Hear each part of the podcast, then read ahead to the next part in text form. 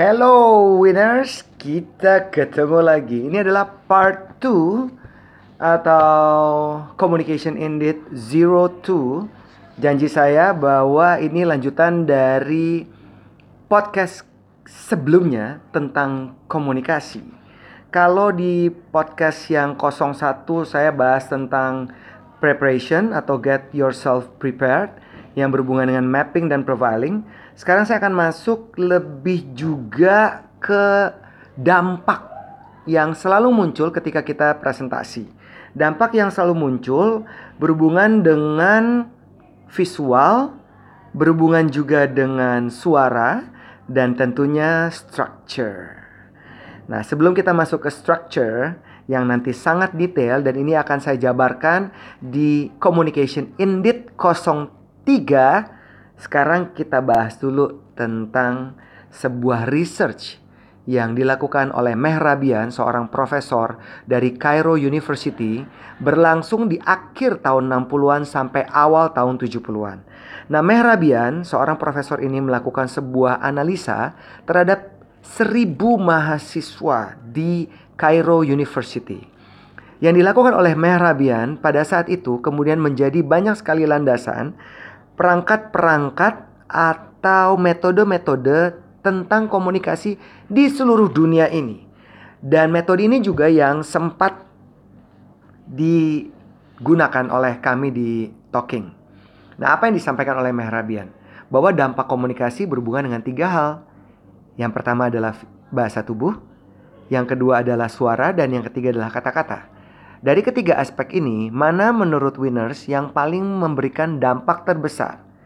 Siapa yang setuju bahasa tubuh? Tunjuk tangan. Kenapa? Kenapa? Kenapa? Karena paling kelihatan. Oke. Siapa yang setuju suara? Kenapa? Kenapa? Kenapa? Uh, suara kak, karena kalau dengan suara yang lantang, pesan lebih sampai dibanding kalau suara yang rendah. Oke, Siapa yang setuju kata-kata? Wah, tidak ada yang setuju kata-kata. Ini juga pertanyaan yang selalu saya lontarkan kepada setiap peserta. Mana menurut mereka yang memberikan dampak terbesar? Nggak ada juga yang bilang kata-kata. Karena menurut saya kata-kata sangat manipulatif. Kita kalau ketemu orang pertama kali, kita nggak mungkin dong meng menggunakan kata-kata yang tidak tepat. Misalnya kita lihat mukanya kayaknya pusing banget. Mas, bermasalah banget pada saat kita ketemu orang itu kita nggak mungkin dong bilang, Pak, Bu, kenapa sih Pak? Kayaknya banyak sekali masalah. Maksudnya kebanyakan orang akan memilih kata-kata yang lebih tepat walaupun yang dilihat secara visual tidak sama. Dan kata-kata juga kemudian selain manipulatif sehingga kemudian digunakan oleh banyak investigasi-investigasi untuk menggunakan sebuah mesin yang bernama lie detector. Yaitu alasannya karena kata-kata itu nggak datang dari hati. Kenapa? Karena kata-kata mempunyai kemampuan pengendalian diri yang sangat baik. Kata-kata mempunyai kemampuan pengendalian diri yang sangat baik dibanding suara. Suara, suara yang misalnya gini ya, kata-kata. Mau dong, nada rendah. Nada tengah. Mau dong, nada tinggi. Mau dong, Nah, kata yang sama disampaikan dengan intonasi yang berbeda, dampaknya berbeda. Dan terkadang kita dalam kemampuan mengendalikan diri di kata-kata sedang. Sedangkan di bahasa tubuh, kemampuan mengendalikan diri kepada seseorang atau kita mengendalikan diri kita di bahasa tubuh itu paling rendah, tapi justru dampaknya paling besar. Nah, dari sini kemudian saya melakukan banyak sekali observasi. Teori Mehrabian ini masih relevan sampai detik ini. Cuma ada yang saya tambahkan, yaitu penampilan. Visual tidak cuma sekedar bahasa tubuh, tapi juga penampilan. Sehingga dalam buku saya, saya membuat sebuah piramida yang paling atas itu adalah kata-kata 10%. Yang di tengah 20% adalah suara. Dan yang paling besar 70% adalah saya ganti menjadi visual. Karena di visual ada penampilan dan baru sisanya 60% body language. So the total 100% dampak komunikasi dengan kemampuan mengendalikan diri yang tidak sama. Kalau misalnya kita lihat seseorang dengan bahasa tubuh yang sangat tertutup, tentu akan terlihat tidak menarik. Seorang pembicara yang datang dipanggil namanya, berjalan menuju podium dengan badan yang lesu atau sedang mikir apa yang mau disampaikan, tentu terlihat secara visual tidak menarik. Nah, komposisi yang dibuat oleh Mehrabian itu secara general sama besarnya dengan yang saya tambahkan yaitu unsur visual di dalam penampilan. Karena waktu Mehrabian memberikan teori ini, melakukan research ini, digital belum ada ya. Dunia digital belum ada. Belum ada teknologi. Tapi tahun 80-an mulai dong komputer muncul, Microsoft, Dell, Hewlett Packard, Apple menciptakan berbagai macam perangkat-perangkat dan kemudian dari perangkat-perangkat tersebut muncullah teknologi Teknologi semakin berkembang, muncullah digital. Dan kemudian digital muncullah platform-platform digital.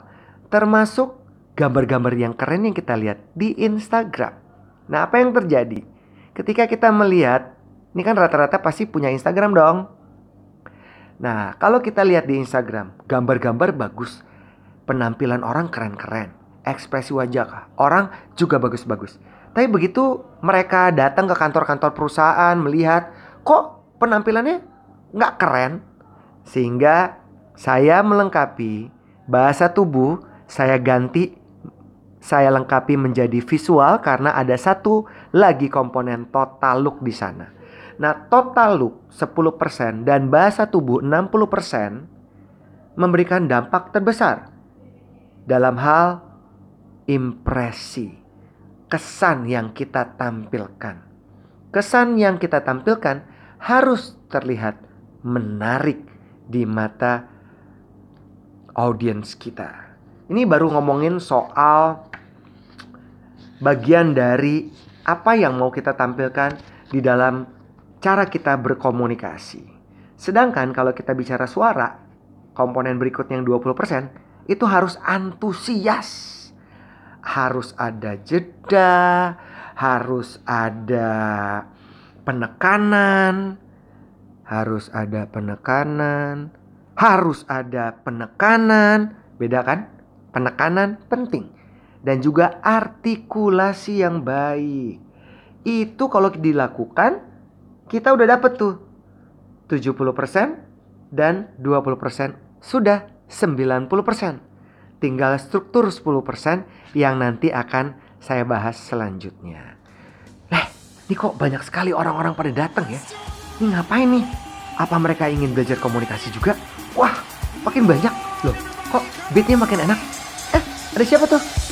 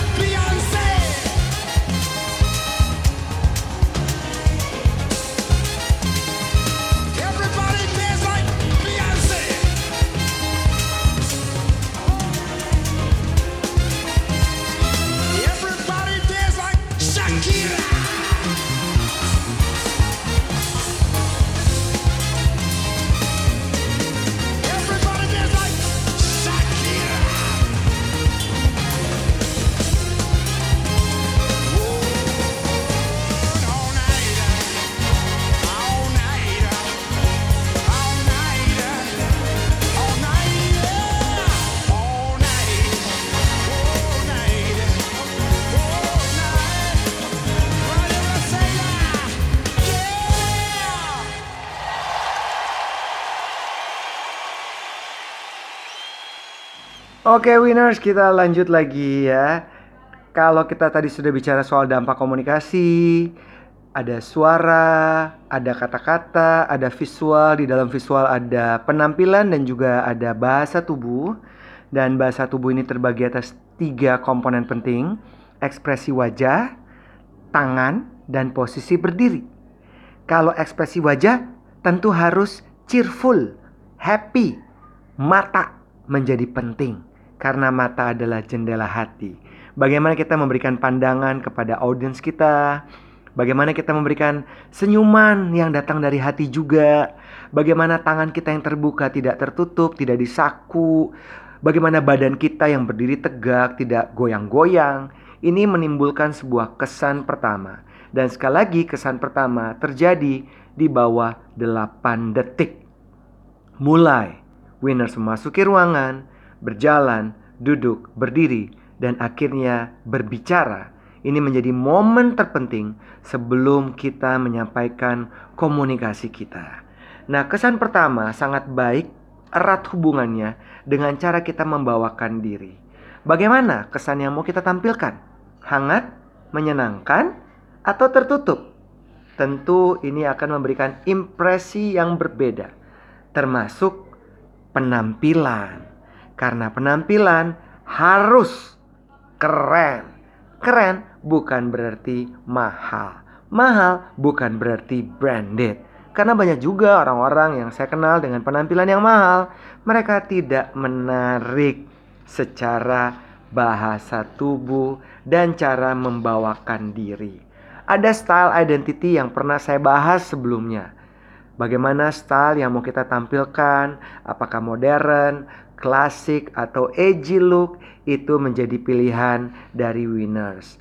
Termasuk juga penampilan, memikirkan soal warna yang mau ditampilkan, orang yang ekstrovert harus lebih introvert penampilannya, warna-warnanya nggak boleh terlalu striking, sedangkan mereka yang introvert harus lebih ekstrovert penampilannya supaya menarik di mata audiens, bagaimana bahan yang dipilih, kemudian juga cutting nggak boleh kelonggaran dan juga pattern ya, pattern atau motif-motif. Karena kalau kita lihat motif itu motif tahun 80-an, 90-an, 2000, 2019 berbeda. Contoh motif bunga-bunga untuk para perempuan atau mereka yang suka pakai baju motif bunga-bunga. Di zaman orang tua kita atau nenek-nenek kita, bunga-bunga itu lebih besar. Tapi di zaman modern sekarang, motif bunga-bunga menjadi lebih kecil. Dan kita bisa lihat, lihat tuh ya, baju kotak-kotak, baju garis-garis yang kelihatan lebih modern, itu lebih simple, lebih kecil-kecil bentuknya. Misalnya ini sebuah contoh. Sehingga visual menjadi bagian juga yang terpenting. Termasuk bagaimana kita selalu untuk memberikan perhatian kepada mereka dari cara kita bicara. Kalau di radio ada istilah namanya smiling voice, ngomong sambil senyum. Nah, bagaimana caranya kita menampilkan intonasi suara kita yang ramah, yang menengkan, yang menyenangkan ketika kita berbicara. Dan saat kita berbicara di depan umum, Jangan biarkan pikiran kita penuh akan hal-hal yang tidak penting yang bisa mengalihkan fokus kita. Tinggalkan semua masalah yang kita hadapi. Taruh dulu problemnya di luar pintu. Jadi begitu kita masuk, kita bisa fokus kepada tujuan kita dalam berpresentasi.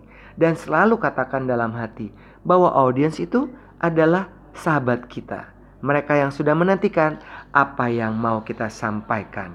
Dan jangan lupa kita harus menguasai materi kita.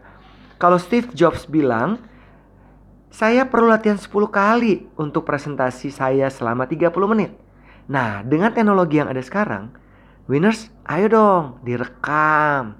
Ketika bicara, nanti dievaluasi. Dan jangan lupa menampilkan sisi kekuatan yang kita miliki. Demikianlah Communication Indeed 02 hari ini. Nanti besok kita akan bahas the structure.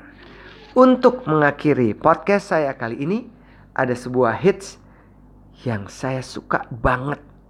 Dari siapa? Nih, dengerin nih. Pasti suka deh.